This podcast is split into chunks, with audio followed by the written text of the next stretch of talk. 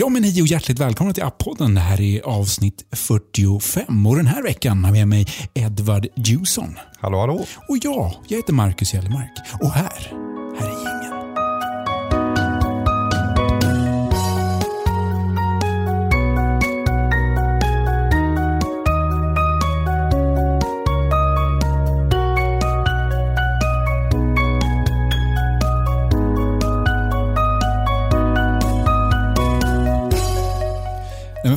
veckor sedan så pratade vi lite grann om eh, min extremt gamla klocka. Ja, just det. Strax därefter så köpte jag faktiskt en ny klocka. En Series 4. Och jag kan ju säga att det är nästan så att jag tycker att den är lite för, för rapp. Man har liksom vant sig vid det här lilla lagget och det här att det inte riktigt känns eh, superresponsivt.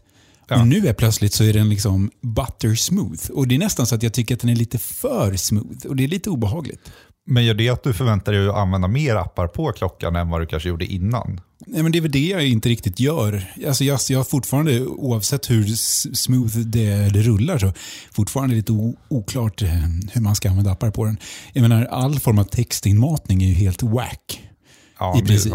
Den enda appen jag använder, det är väl i princip som jag sagt förut också, det är väl den här träningsappen, Apples egna, och eh, en annan gymapp jag har för att kunna se vad jag, vad jag borde göra härnäst.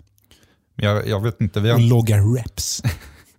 jag har inte jättemycket erfarenhet. Dels har jag ingen watch själv, men vi har ju inte haft så många projekt som... Men du vet hur en klocka fungerar? Un- på ett ungefär. Mm. Ehm, ja, men vi har ju inte haft så många projekt där det faktiskt har beställts en Watch eh, Companion App till. Och det kanske inte har varit det lättaste att sälja in heller.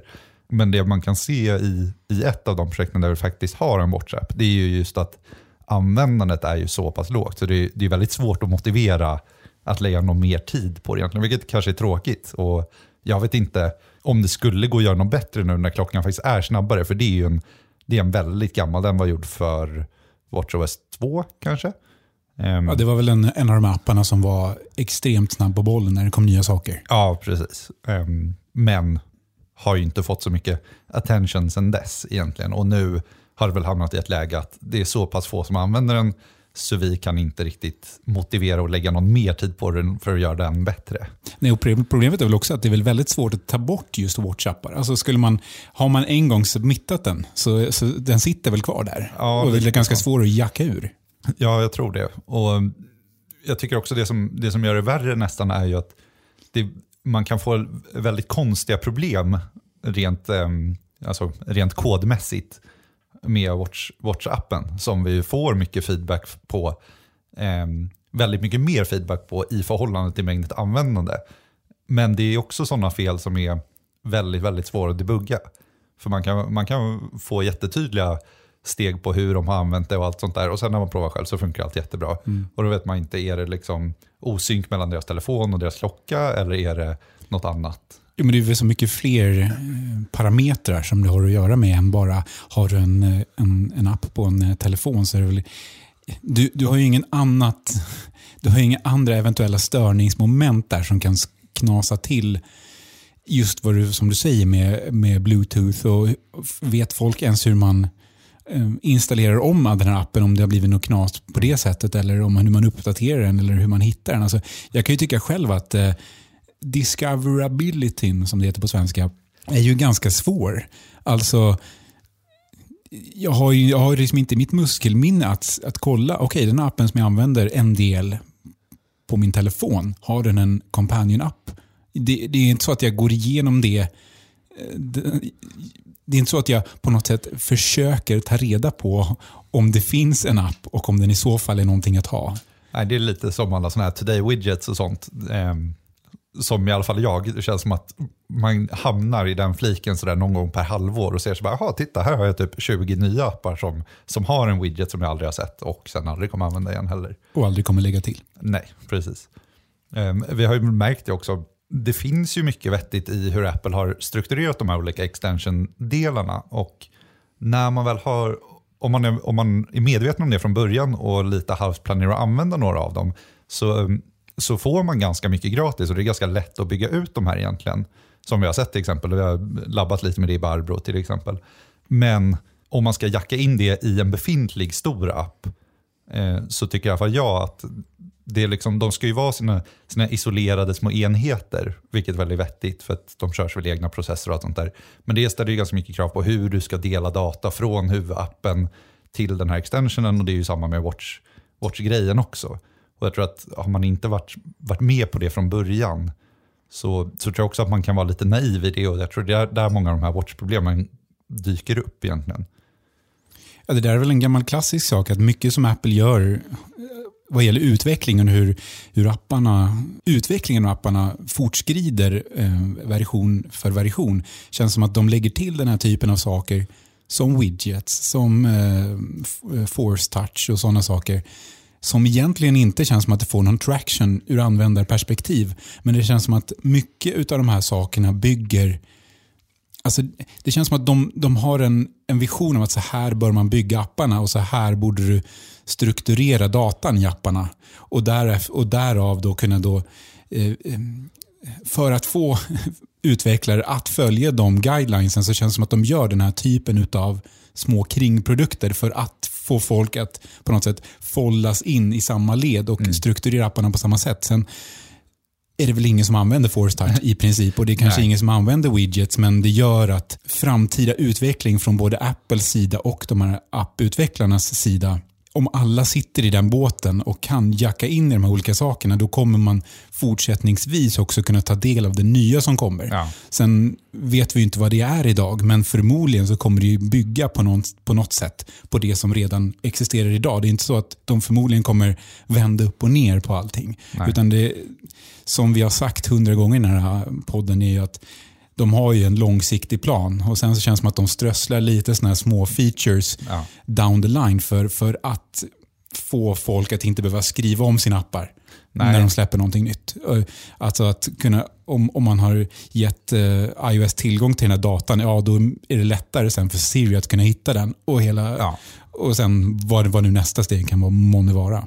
Ja, exakt. Nej, man kan väl uppleva ganska mycket att Force Touch mest har ställt till det när man ska försöka organisera om sina appar lite grann. Och framförallt när man ska se andra göra och försöka förklara då varför. Bara, om du håller bara lite lösare, då kommer det, då kommer det fungera. Um, Tryck inte för hårt.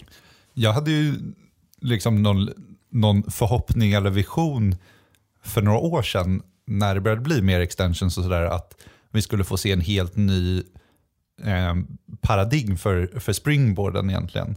Eh, där det kanske skulle vara just, nu är den ju väldigt liksom statisk med, med sitt rutnät av appikoner bara. Att det skulle liksom kunna bäddas in mer och lite som complications på klockan kanske. Att vissa appar kanske du egentligen aldrig går in i utan den, den lever på springboarden och visar upp lite information som du kanske vill ha och andra fungerar på andra sätt. Men det är väl lite så de har gjort till exempel med vissa andra typer av extensions, alltså tangentbord, är av någon konstig anledning en app. Ja. Men, men du använder inte den appen, utan den appen ligger där bara för att visa någonting i andra appar. Eller som det här uh, content blocking. content blocking i Safari, som också är en app, men det är ingen app du använder, utan ligger bara där passivt för att kunna användas av andra appar. Och, ja. och, och en konstig sak vad gäller complications och watch-paradigmet eh, som är på watchfacen, varför kan du inte göra så på din på din, på din skärm på telefonen ja, när, den är, när den inte är upplåst. Det är jättekonstigt. Ja. Och, och, och det, får ju, det, enda, det enda jag kan tänka där är att det är, det är på gång. Ja, för det känns som att det, det, har ju hamnat lite i ett mellansteg. Att de har ju ändå byggt ut just allt det här, både extensions men också hela rich notifications-delen och nu de nya Siri extensions där du ju faktiskt kan få mer, mer UI i notiser eller i andra liksom actions och sådär.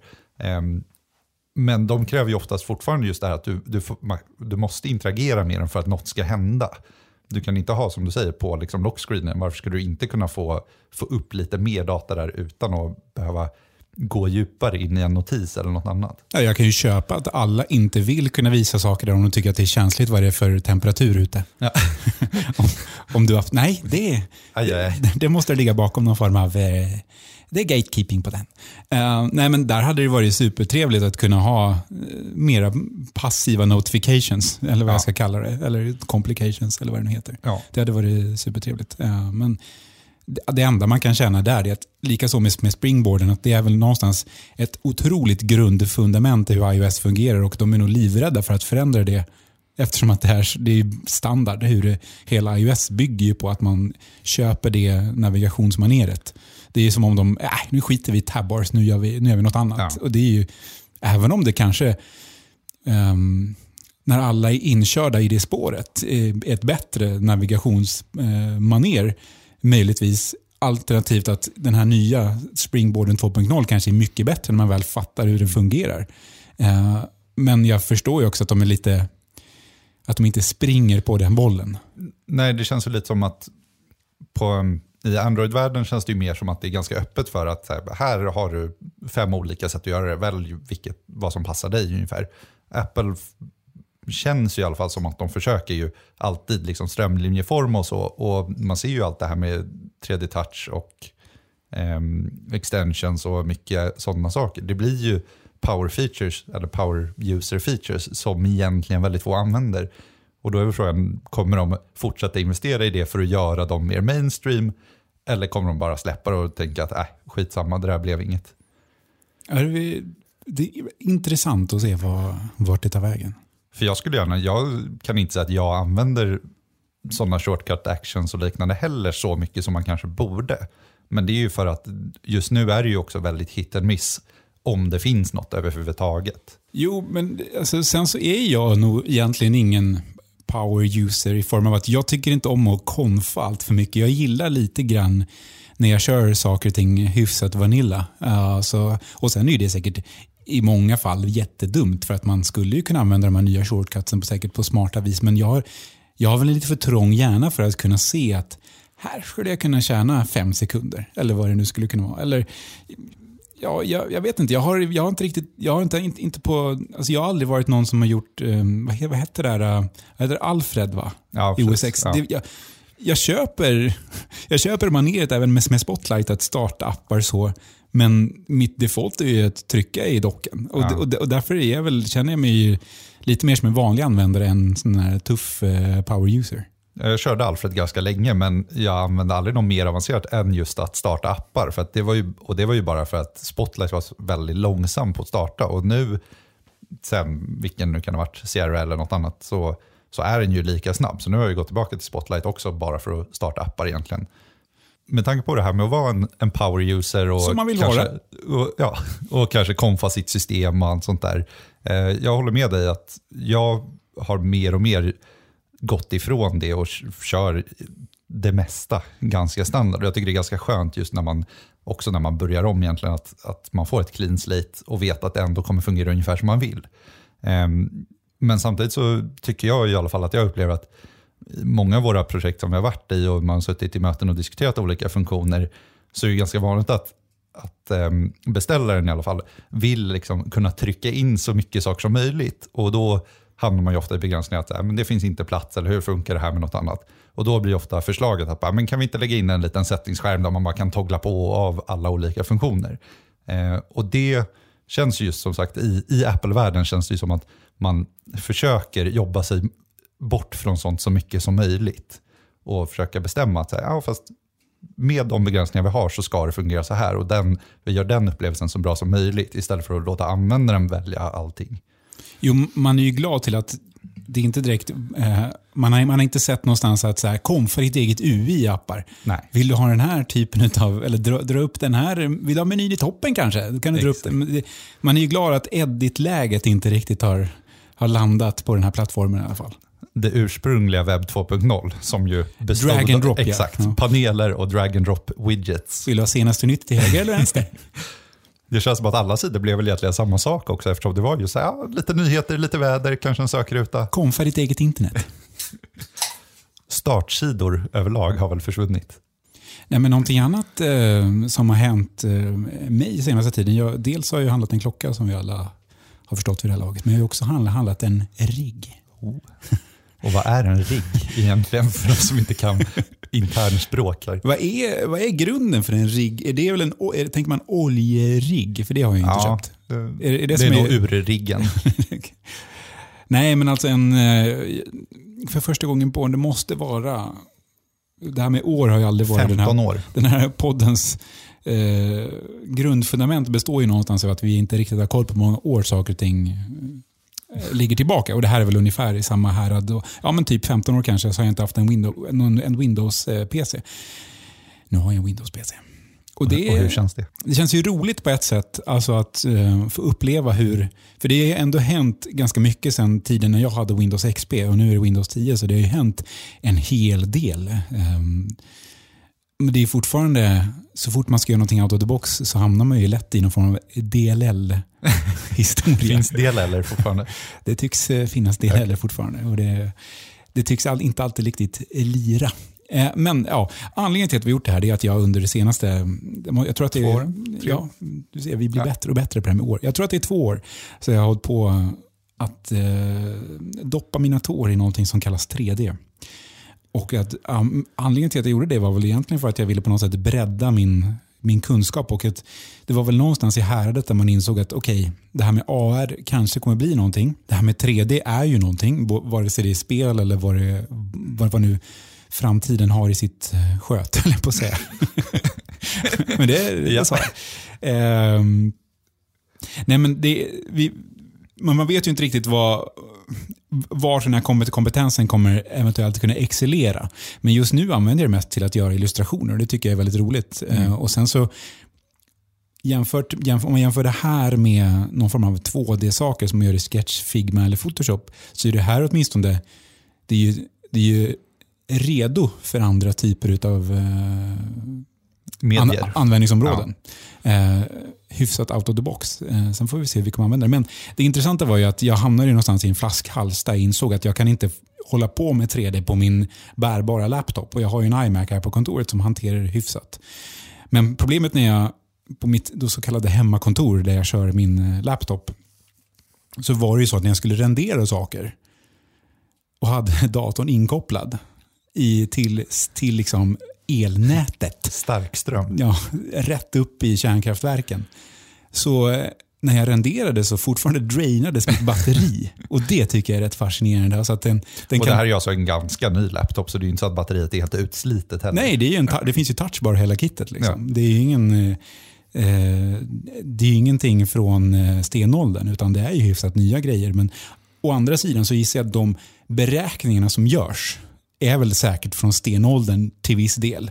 Eh, och inte helt optimerade för metal eller de typerna av lager. Nej. Utan det är ju i Blender som jag använder som säkert inte är helt optimerat. Men det var i alla fall en drivkraft att det vore trevligt att ha batteri och inte vara rädd för att när jag renderar någonting i en timme att jag står där utan ström. För då är man ju ganska rökt.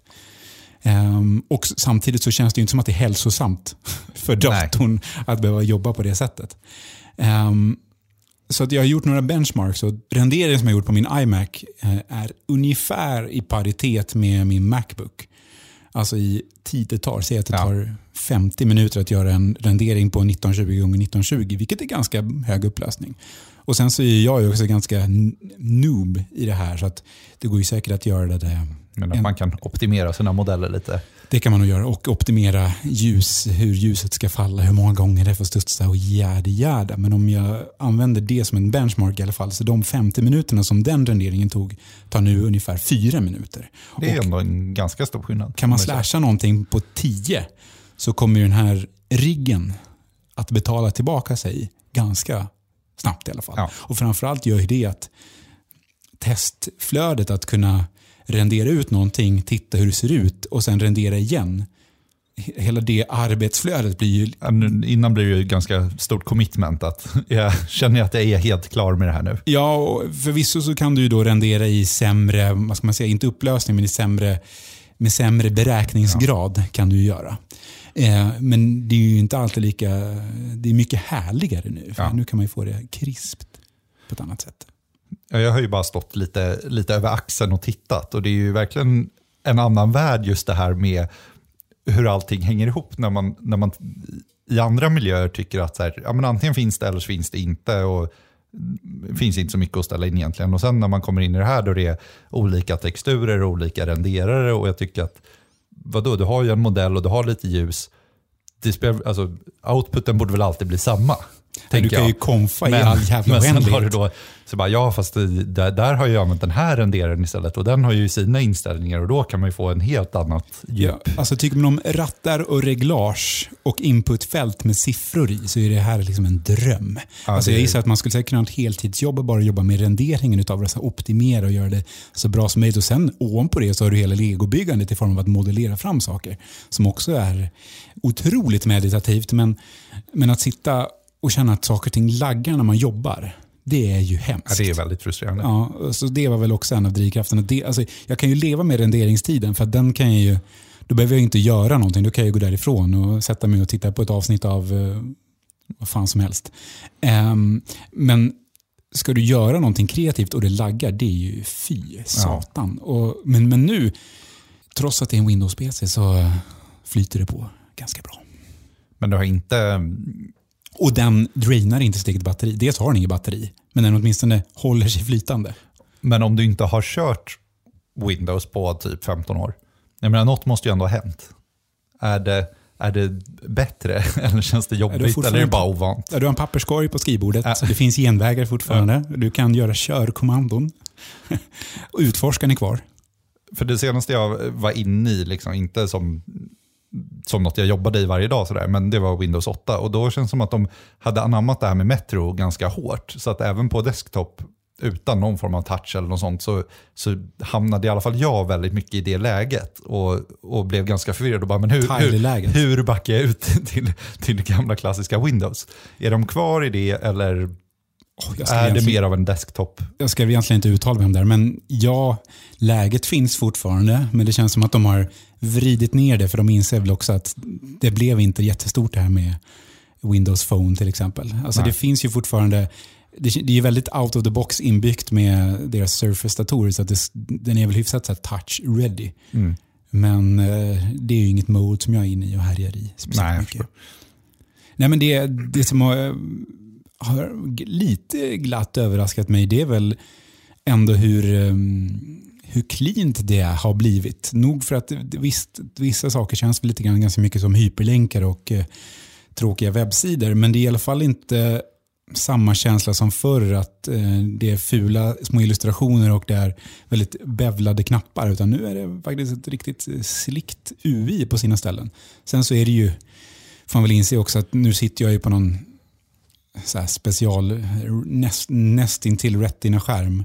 Så jag får väl lite annan upplevelse än Ja. någon som sitter med klassiska. Men det här blir väl egentligen sista gången vi Pratar. pratar. Nu, när jag har gått över till Windows. Exakt, nu går jag härifrån. Nej, men, eh, men sista gången vi, vi pratade i ett sånt här forum innan Apple har sitt lilla event nu, sådär, som de brukar ha på vintern.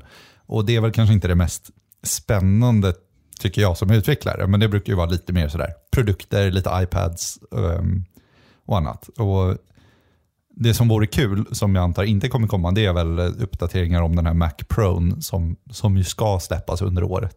Det klassiska Mac-cykeln är väl höst va? Ja. För reveals eller någonting. Ja.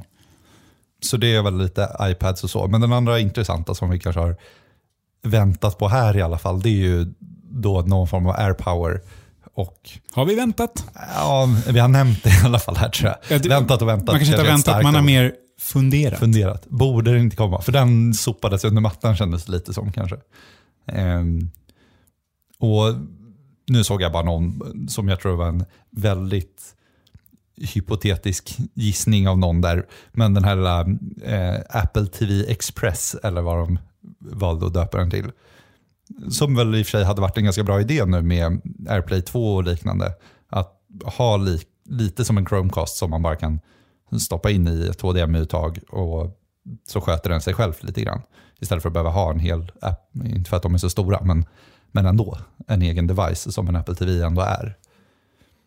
Jo, men det, hade väl, det borde ju absolut inte vara svårt att med moderna telefoner ens emulera en Apple TV från, från telefonen om du nu av någon anledning skulle vilja Nej. få upp det UI. Så, så, länge, så länge AirPlay 2 lirar boll så borde det ju inte vara omöjligt att kunna få någon bättre experience än bara liksom casta över saker till AirPlay. Eller Nej, exakt. Det blir väl lite som en, någon form av Ja. CarPlay-situation, Ja. fast TV-play eller något.